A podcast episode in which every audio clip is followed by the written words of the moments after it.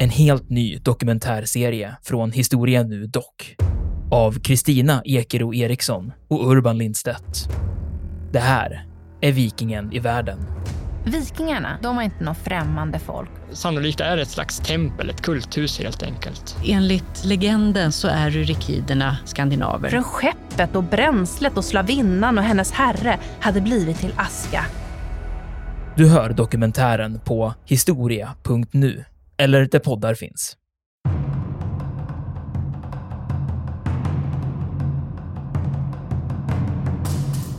för då kommer vi på nästa fråga som jag också så fascinerar mig mycket. Det är att det här börjar, och du sa det så bra också, att det, var, det börjar som ett inbördeskrig egentligen. Ja. Det är som att vi går igenom alla faser här. Ja. Att det är, som, det är för att vara bara eh, så att säga, en social konflikt och eh, uppror till att bli ett inbördeskrig mellan två etniska befolkningar till att sen bli liksom ett mer fullskalkrig och under den här, på en väldigt kort period så, så, så blir det liksom en militär organisation som, som bara skrapar ihop det de har. Ja. Ja. Och det bildas liksom i stunden, vilket är väldigt fascinerande.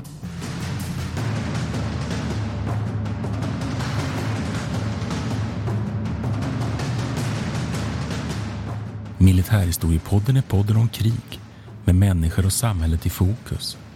Programledare är Martin Hårdstedt, professor i historia vid Umeå universitet och Peter Bennesved, doktor i idéhistoria. Podden ges ut av förlaget Historiska Media. Stöd gärna MH-podden via vårt swishnummer 123 610 76 68. Märk betalningen med MH-podden.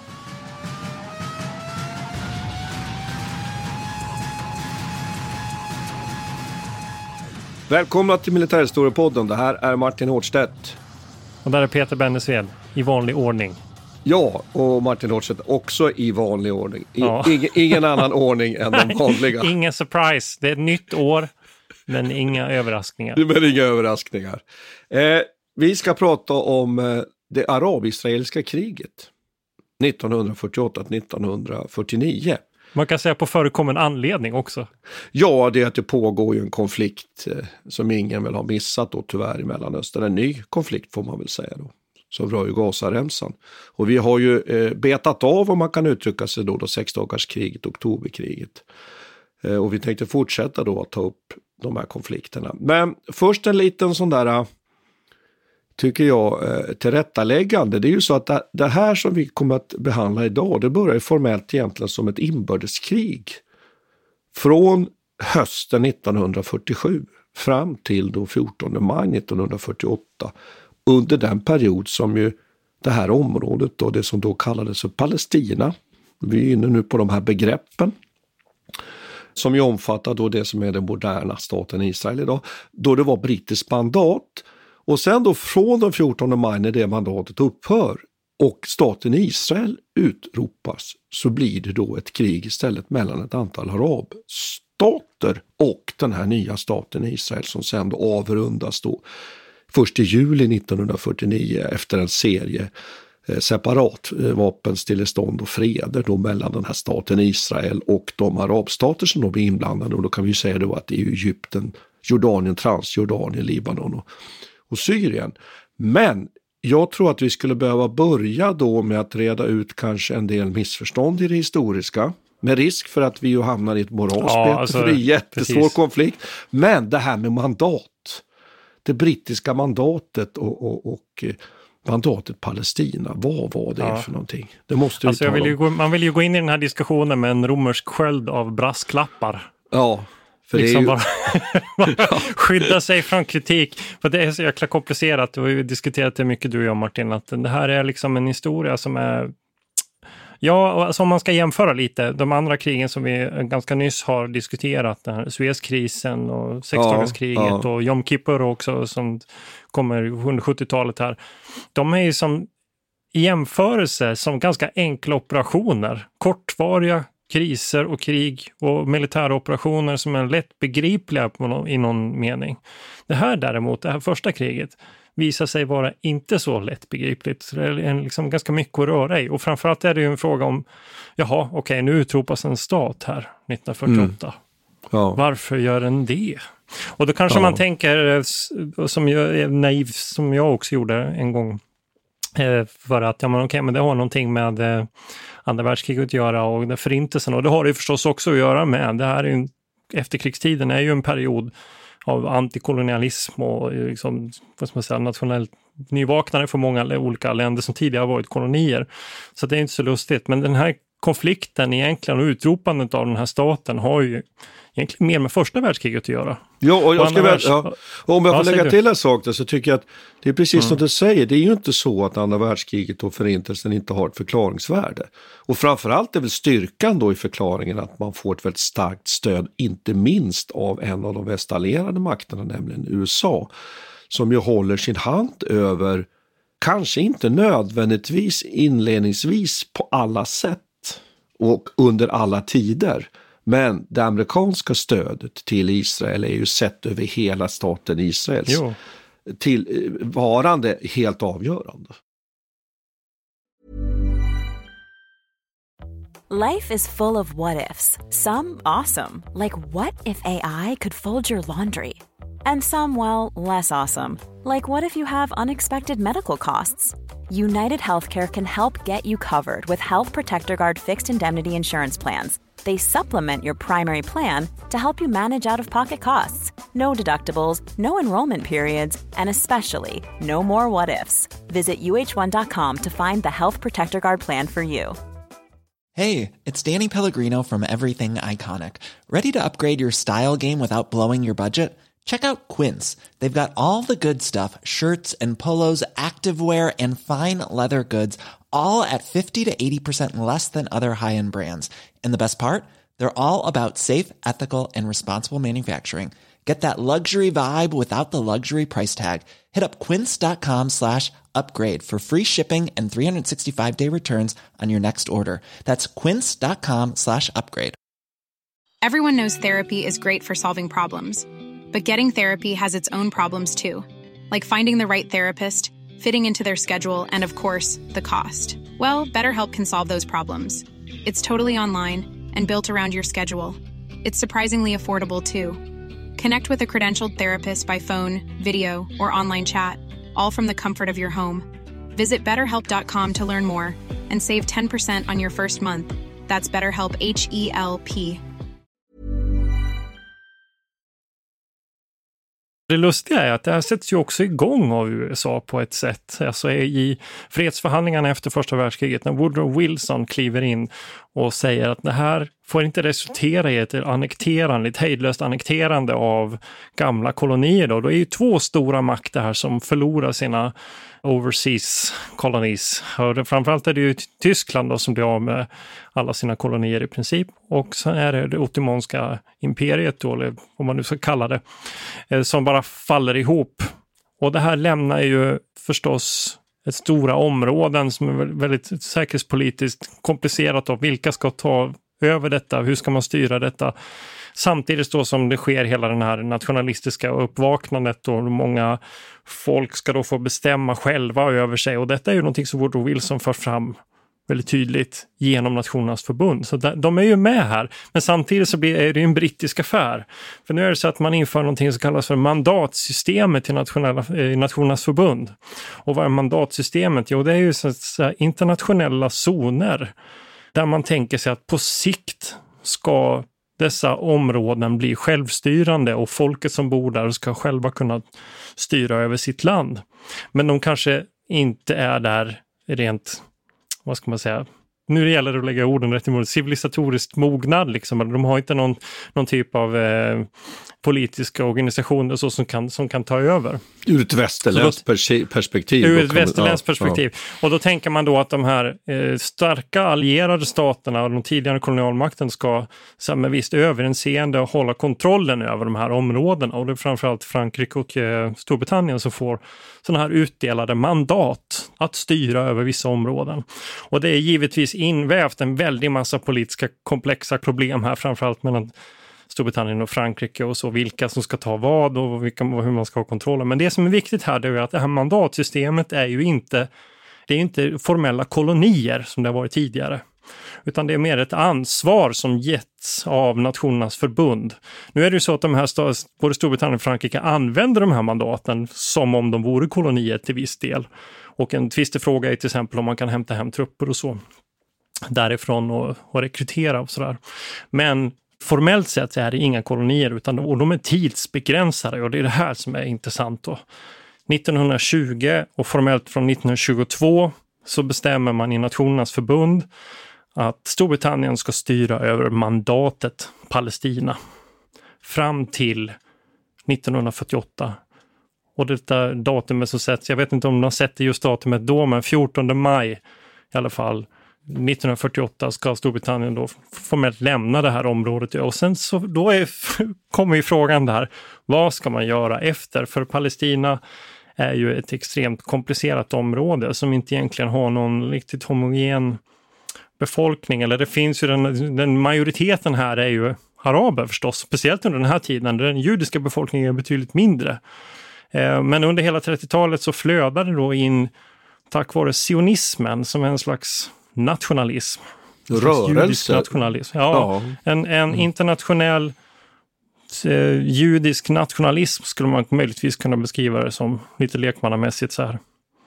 Så de fostrar eller liksom, eh, vad ska man säga, mm, vill att det ska vara, bli en, som en slags återvandring till det här området som i Palestina. Så att den judiska befolkningen hela tiden växer i det här området, vilket skapar konflikter. Samtidigt så som den arabiska eller majoriteten som finns här också växer i sitt nationella intresse och vill också ha, ja, bilda en egen stat. Alltså nu har vi liksom, och då får man gå tillbaka till hur Nationernas förbund tänkte sig att det här skulle gå till. Ja, vi ska ju bilda liksom egna stater då, baserade på den befolkning som bor där. Men nu har vi två ganska starka krafter. Den ena som är mindre, en minoritet, den judiska minoriteten, men som är ekonomiskt, sociokulturellt starka och väldigt resursrika och förmåga att bygga upp institutioner. Och sen har vi den arabiska som är i majoritet, men som har mycket svårare att att samordna sig och inte alls ha samma ekonomiska och sociala resurser att liksom bilda en stat här. Så här har vi grundkonflikten i detta och det här leder till massvis av, av revolter och problem under hela 30-talet. Och framförallt handlar det väldigt mycket om på vilket sätt Nationernas förbund och Storbritannien förhåller sig till de här, både det arabiska och det judiska.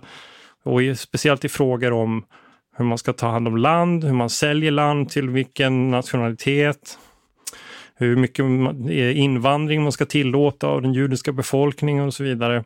Och sen har vi antisemitismen också i Europa. Just det. Mm. Och den är ju viktig i det här sammanhanget och speciellt under mitten av 30-talet efter mm. att Hitler tar över. Just det.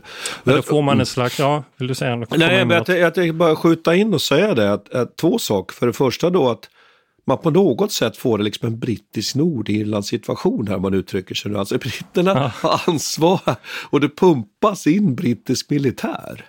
Och nu ja. tänker jag ju på när britterna är tvungna att gå in då under the troubles i Nordirland på, på slutet av 1960-talet liksom för att kväsa det här. För det går inte att acceptera det här fullständigt okontrollerade våldet. Och därför så finns det närvarande oerhört mycket brittisk militär. Och problemet är ju här, vilket vi kommer komma till ännu mer här, eller hur Peter? Att både araber och då den judiska minoriteten då, utför ju då våldsyttringar mot då den här brittiska faktiskt överhögheten. Jo, precis. Ja, och det är ganska om, spännande. Ja, turas om. Och därför är det ganska mm. kaotiskt eh, bitvis ja. i. Och det ska också sägas en sak att under första världskriget kan man ju lägga till då, i, i, tycker jag är, det, är väldigt bra eh, beskrivningen just av de här rörelserna som du, som du kom med, som ju för övrigt har, har sin botten och Eh, egentligen i slutet av 1800-talet och sådär, så är det ju så att britterna, och då tänker jag just på den här arabiska nationalismen och sionismen som du pratar om här, men att Britterna också under första världskriget ju faktiskt ganska sådär halvformellt, även om de inte är beredda kanske riktigt stå för det. De gör ju någon form av avtal både med araber och judar om. Så att både de här, båda de här två majoritetsminoriteterna, de har ju på något sätt eh, papper eller avtal med då britter om att de ska få bilda sina de här staterna som du är inne på, vilket ju komplicerar Ja, situationen ännu mer. det här, precis.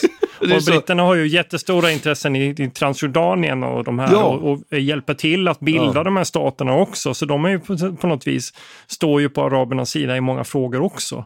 Men det jag tycker den här liknelsen med Nordirland är intressant också för att för det är nog någonting man lär sig här med är ju att under 30-talet att det här området det, vi, vill inte, vi vill inte hålla på med det mer för att det, det visar Nej. sig vara så Nej. komplicerat. Man har Ja. tidigare gått in under Balfour-deklarationen Just det. 1917 så har man sagt att vi ska ja. understödja judisk, eh, Eh, ett judiskt eh, stat eller något- på något vis självbestämmande.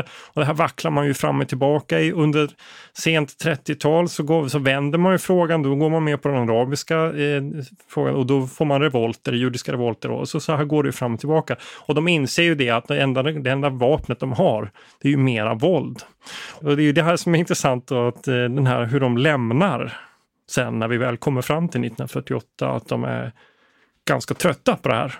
Och inte nödvändigtvis på den judiska sidan. De står, står inte liksom nödvändigtvis på deras sida i hur den här konflikten ska, ska behandlas. Och pre precis då den här Balfour-deklarationen som du är inne på här, det är ju en av de här just löftena som jag, ju då, som jag då hänvisar till. Och man har då liknande löften då, McMahon Hussein-avtalet då med, med, med araberna då. Och vi behöver inte gå in på detalj med det, men att det är oerhört komplicerat. Men om vi då närmar oss den här konflikten nu då, så, som jag ju var inne på i inledningen här, så är det ju så att den egentligen ju sätts igång av att man ju plötsligt i Förenta Nationerna, det som ju tar över efter andra världskriget, Nationernas förbund, ja, och egentligen är stor skillnad mellan de organisationerna, men hur som helst så, så säger man så här, nu måste vi få ordning på den här konflikten i Palestina.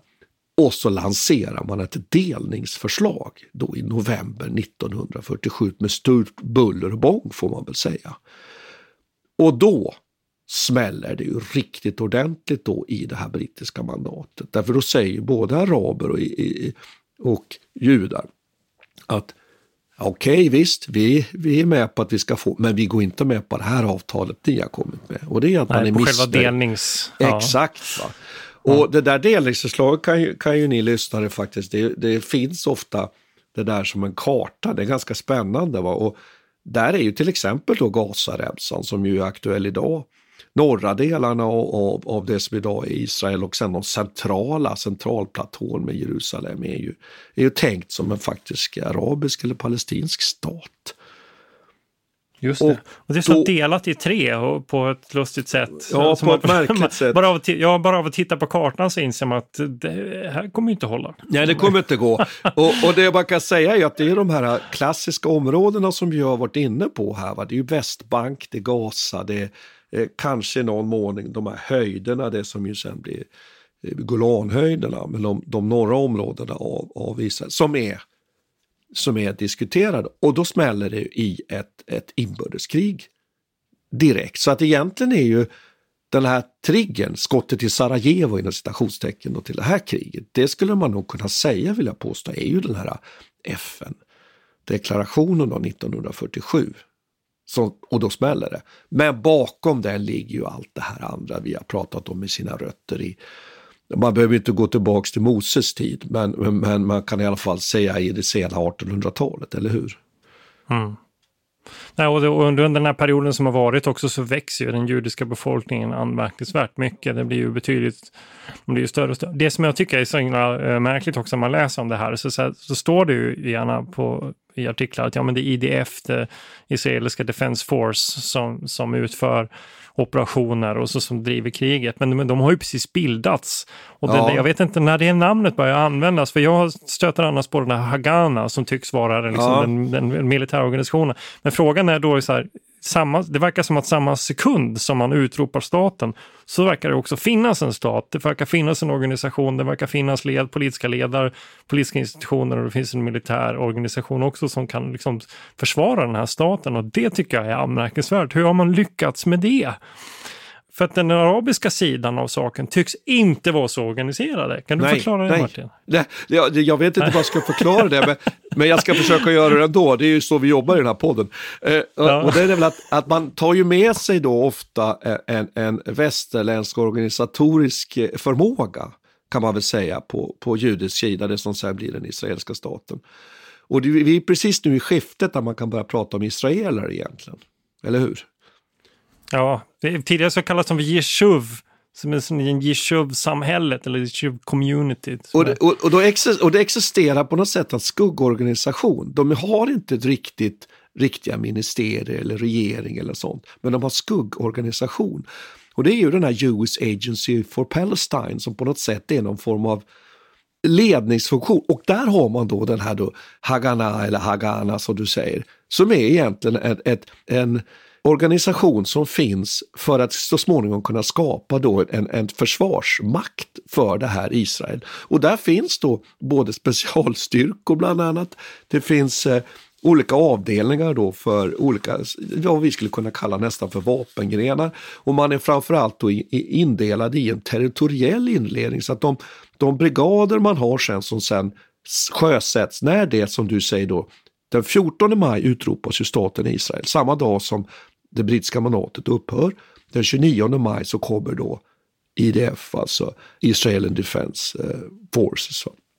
Och då använder man sig av den där grundorganisationen som dels då är territoriell så att de här brigaderna har områden som de ska försvara. Och så har man då lagt till också en rörlig styrka så framförallt där kärnan är tre mekaniserade brigader. Och sen har man flygstyrkor och lite, lite flottstyrkor.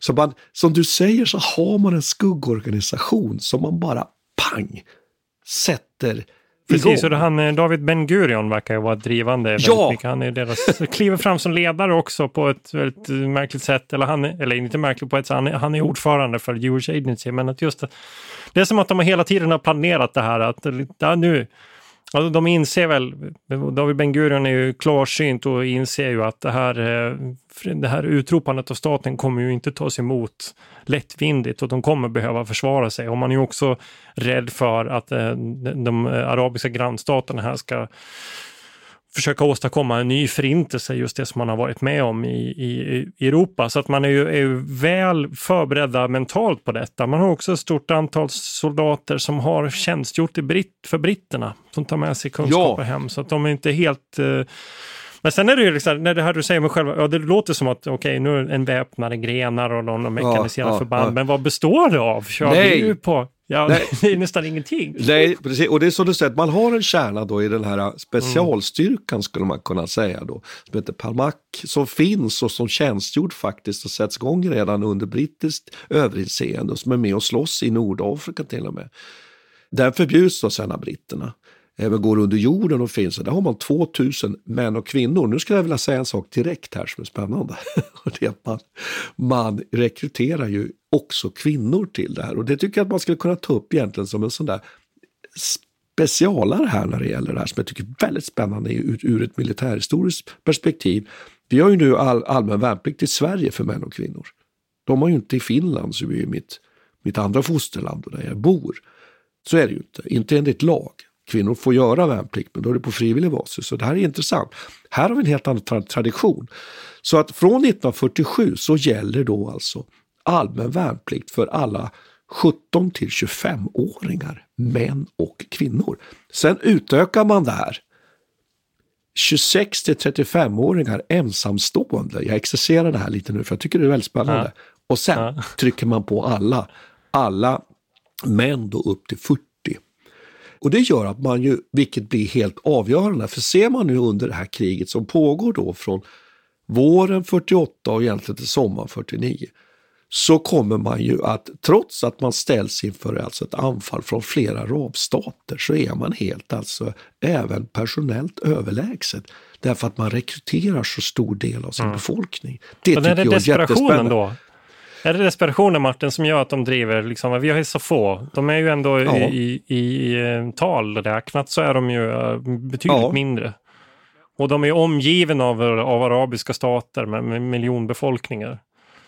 Så att är, det, är det det som driver det, liksom, att vi, må, vi måste ha alla? Självklart, och till slut så mönstrar man nästan 120 000 man i, den här, i slutet av, av det här första kriget. Man börjar med kanske ganska blygsamma 30 35 000 där kärnan är den här specialstyrkan och som är indelade brigader. Ja, och, och jag ska bara säga att den här brigadindelningen som man då har, liksom det här, den strukturen faktiskt kan man hitta ännu idag i den israeliska armén. Så här föds ju som du säger den här Israels armé. There's never been a faster or easier way to start your weight loss journey than with PlushCare. PlushCare accepts most insurance plans and gives you online access to board-certified physicians who can prescribe FDA-approved weight loss medications like Wigovi and Zepbound for those who qualify. Take charge of your health and speak with a board-certified physician about a weight loss plan that's right for you. Get started today at plushcare.com slash weight loss. That's plushcare.com slash weight loss. plushcare.com slash weight loss. A lot can happen in three years, like a chatbot may be your new best friend. But what won't change? Needing health insurance. United Healthcare Tri Term Medical Plans, underwritten by Golden Rule Insurance Company, offer flexible, budget friendly coverage that lasts nearly three years in some states. Learn more at uh1.com. Quality sleep is essential. That's why the Sleep Number Smart Bed is designed for your ever evolving sleep needs. Need a bed that's firmer or softer on either side? Helps you sleep at a comfortable temperature? Sleep Number Smart Beds let you individualize your comfort so you sleep better together. JD Power ranks Sleep Number number 1 in customer satisfaction with mattresses purchased in-store. And now, save 50% on the Sleep Number limited edition Smart Bed for a limited time. For JD Power 2023 award information, visit jdpower.com/awards. Only at a Sleep Number store or sleepnumber.com. Ja, för då kommer vi på nästa fråga som jag också så fascinerar mig mycket. Det är att det här börjar, och du sa det så bra också, att det, var, det börjar som ett inbördeskrig egentligen. Ja. Det är som att vi går igenom alla faser här.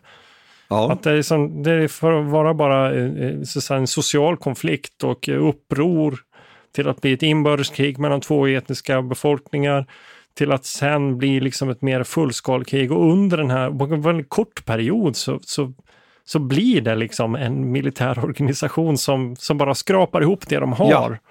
Ja. Och det bildas liksom i stunden, vilket är väldigt fascinerande. Ja, du, du tog upp en sak här som lite kom bort här plötsligt. Och det var ju så, jo men du, du sa de hade ju ingenting, sa du. Nej, Nej. De, de, de stjäl stridsvagnar från britterna, de får stridsvagnar från olika håll. Och flygvapnet, det är ju spännande. Ja.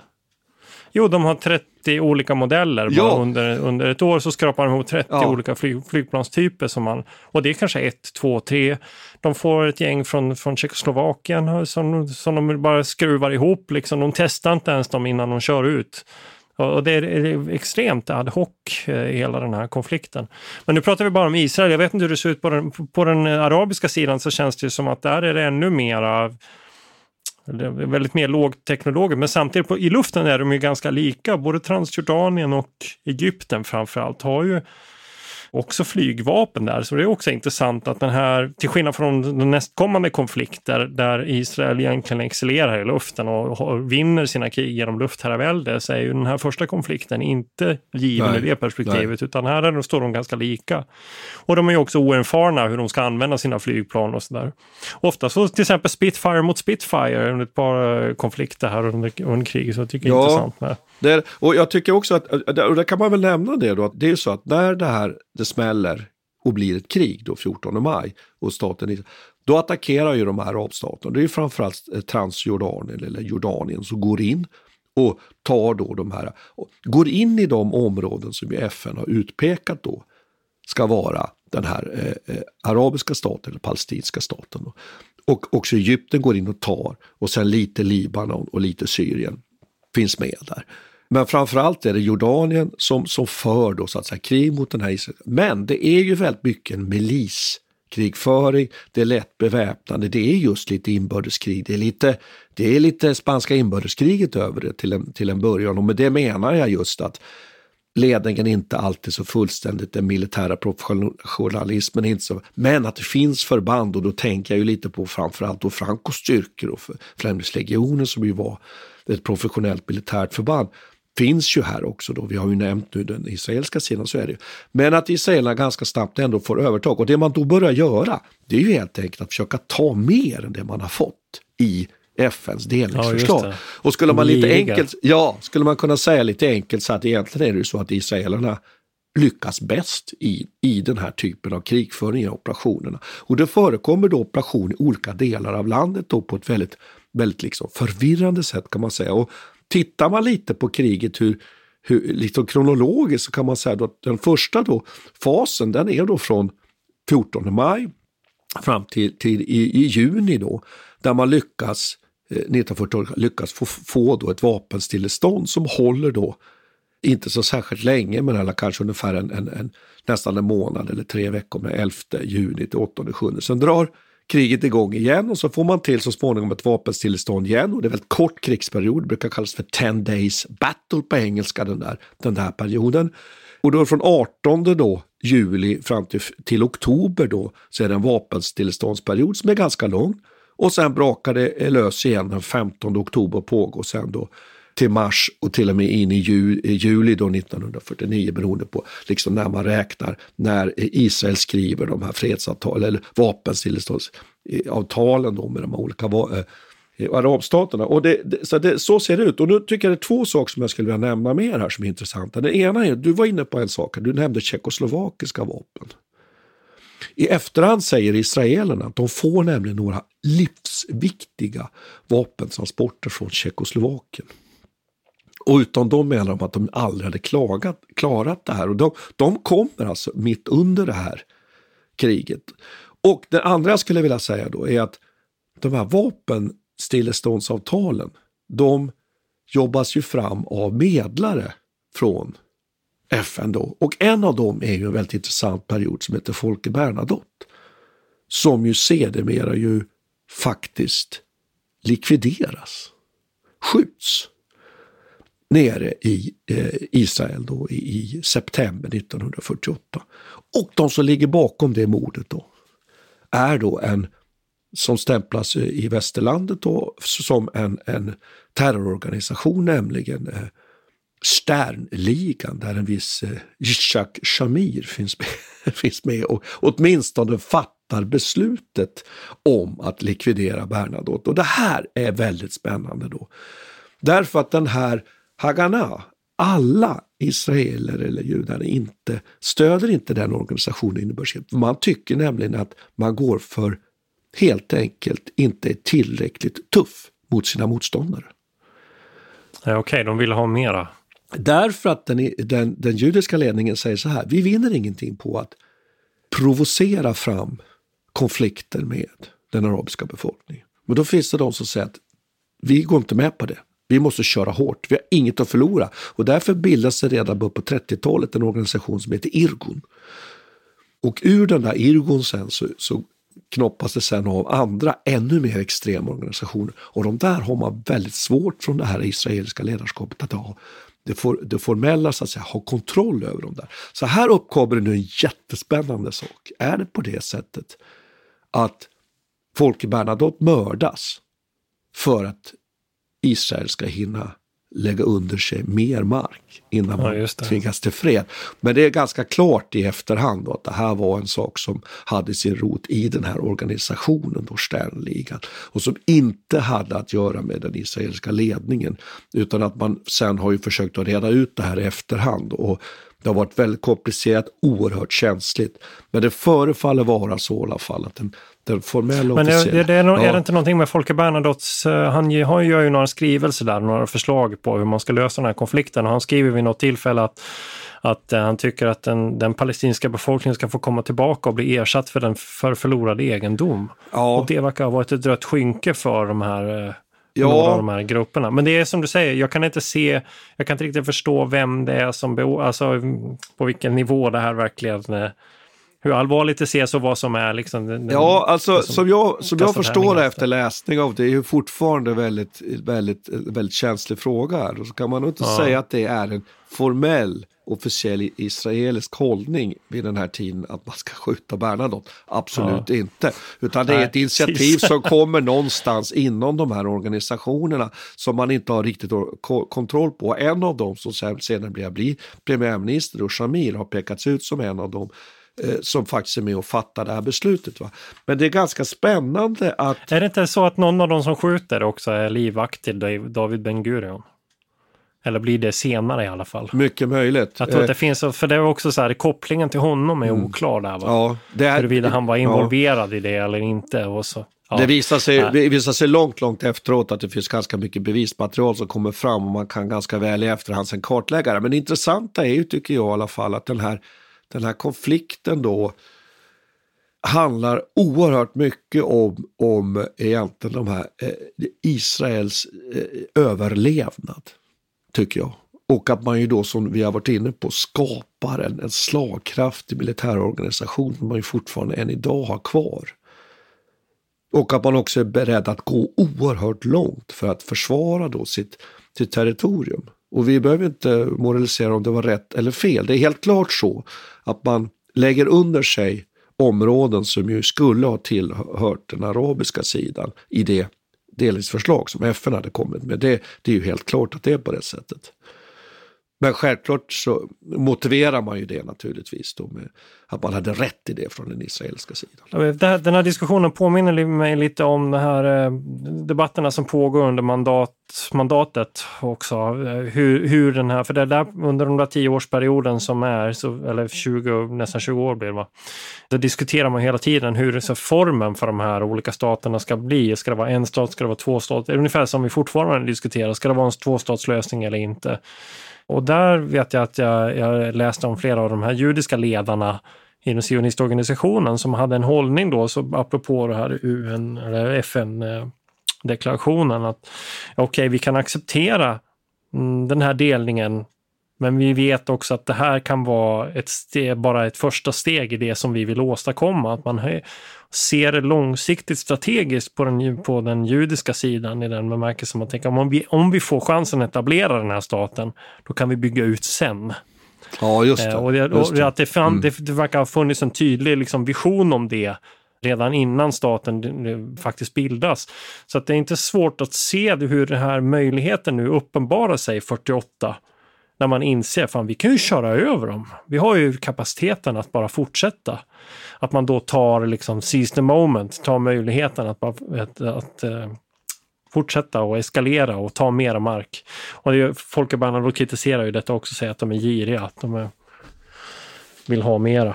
Ja. Men samtidigt ska man väl också då komma ihåg att, att eh, ur ett israeliskt perspektiv, och där är vi inne på det som man brukar kalla för historiografi eller historieskrivningen i efterhand, att det är klart att den har ju stött de här respektive sidorna, det är olika perspektiv. Just. Eh, självklart. Och ur ett israeliskt perspektiv så, så slåss man ju för sitt liv. Här. Man använder det som vi var inne på, utskrivning till av stora delar av sin befolkning och så vidare. Man anser ju att man är satt under ett livs, livs eh, dödshot.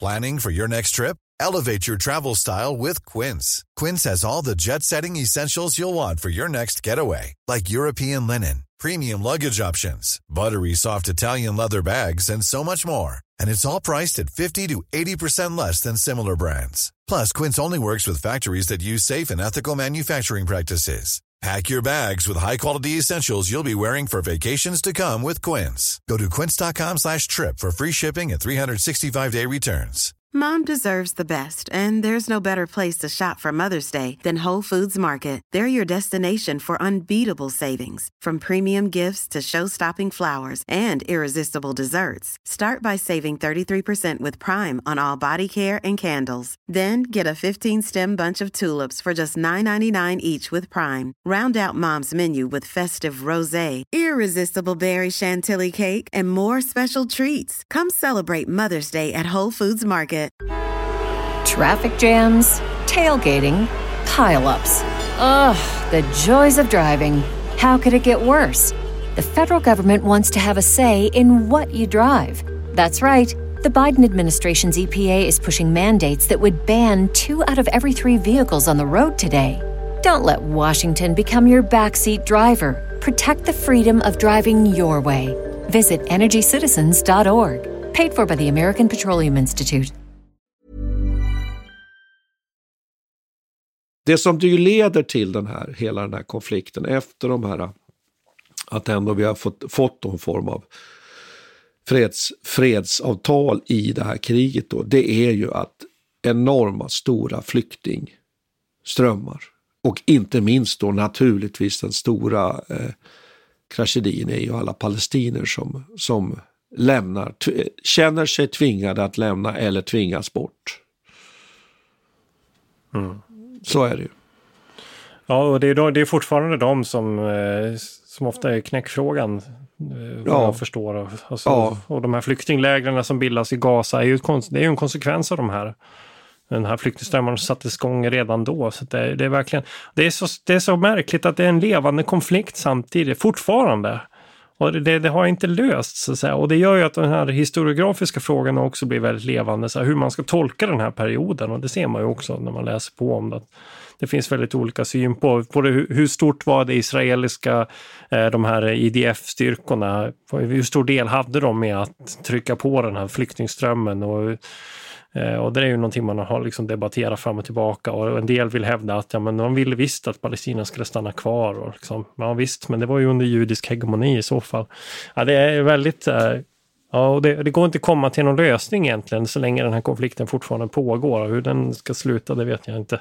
Nej. Men det går vi inte in på nu. Nej, och- nej, och det man skulle kunna säga här att, att du var lite inne på hur man resonerar kring Israel, från israelisk sida här att eh, ett sätt att resonera på det hade varit att man hade eh, bitit ihop i det sura äpplet och accepterat kanske en, en, en större arabisk stat om man hade tänkt sig och kanske sluppit framtida eh, konflikter. Men eh, den, eh, det, det fanns inte den möjligheten. Nej, det finns ju ingen riktigt arabisk stat heller som, kan ta, som kunde ta Nej. det ansvaret. Nej, nej, nej. Och det är ju intressant, britterna på sin sida, de är ju intresserade av, alltså de stödjer ju Transjordan eller Jordanien idag. Eh, och de får ju till en början då kontroll över det som blir Västbanken och det här området. Men det är liksom Syrien och Egypten och sin sida har ju helt andra möjligheter. Och det, ja, nej, det, Ja. Vi, Martin, ska vi lämna det där, eh, den där diskussionen? Ja, det Eh, tror jag. jag att, Och, jag ska bara börja säga en sak här. Jag har ju pratat nu om fredsavtal och det är ju direkt egentligen Ja. fe- felaktigt för det, det blir lätt, lätt att man nämner det namnet. Använder det benämning. Utan det är ju så att Israel kommer till vapenstilleståndsavtal med de här arabstaterna. De accepterar ju inte naturligtvis den här situationen eftersom de ju inte eh, accepterar staten Israel. Så det är väldigt viktigt att markera det, att man slinter lite lätt med, med tungan. Men hela den här konflikten är viktig att känna till tycker jag och också tycker jag ur ett militärhistoriskt perspektiv så är väl egentligen det mest intressanta egentligen här för en militärhistorik då rent tekniskt taktiskt är väl just det här att hur man skapar en försvarsmakt egentligen ur ingenting. Och jag ser flera paralleller. Jag har nämnt spanska inbördeskriget. Jag har nämnt också den vita sidans uppbyggnad i det finska inbördeskriget 1918 Det är också ett sådant exempel med, med viss hjälp utifrån och så bygger man en krigsmakt. Vi skulle kunna prata om tysk återuppbyggnad av krigsmakten efter, efter första världskriget under mellankrigstiden till exempel. Och så vidare. Det, det är en spännande intressant process men den kräver just både eh, professionalism, hjälp utifrån och den kräver ju också att man har människor med, med, som är begåvade på att ta till sig och bygga och improvisera i ett väldigt i Och de har en väldigt tydlig liksom, politisk vision vad de ska åstadkomma också. Att det, det handlar inte, på den arabiska sidan får man mer en känsla av att det, vi vet vad vi inte vill ha. Vi vill inte bli styrda och, och hamna i det ekonomiska bakvattnet från den här nya judiska befolkningen som kommer in här. Men mer än så kan man ju egentligen inte komma överens om. Det finns ingen gemensam politisk vision om det. Och det tycker jag det återkommer ju även idag. Ja, och det- man märker att de här olika grupperingarna Ja. inte drar jämnt. Och sen är det mer, man på- ja. ja. det är mer expeditionskårer liksom också från Jordan. Det är inte så att man skapar en, liksom en palestinsk krigsmakt som du säger med någon form av vision och ledarskap utan, utan det är med att man fyller på med soldater i redan befintliga arabiska staters arméer och det, det är ju en helt annan sak.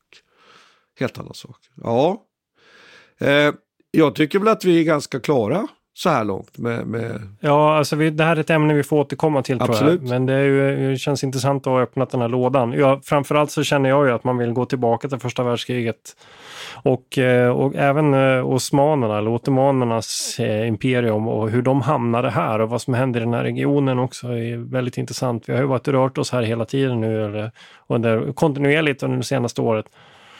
Och vi får väl återkomma till det. Ja, och men vi har kvar några saker att ta också lite modernare när det gäller Palestina-konflikten. Och det är till exempel Libanon 1982. Får vi återkomma. Tack ska vi ha Peter för idag. Ja, tack ska vi ha. Hej. Vi tackar Peter Bennesved och Martin Hårdstedt. Kontakta gärna Militärhistoriepodden via mejl på militarhistoriepodden historia.nu. Peter och Martin vill gärna få in synpunkter och förslag till programidéer.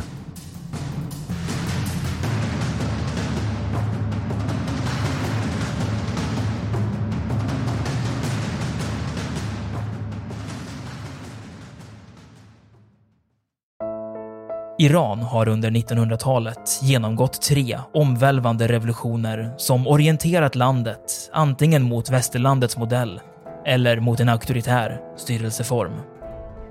Idag pågår en social revolution i landet som vänder sig mot det islamistiska styret och vars anhängare har Europa och väst som förebilder. I en viktig bok ger idéhistorikern Mohammad Faslashemi en djupare förståelse för dagens dramatiska händelseutveckling. Iran mellan tre revolutioner är utgiven av förlaget Historiska Media. Beställ den fysiska boken på förlagets hemsida historiskamedia.se eller köp den i en bokhandel nära dig.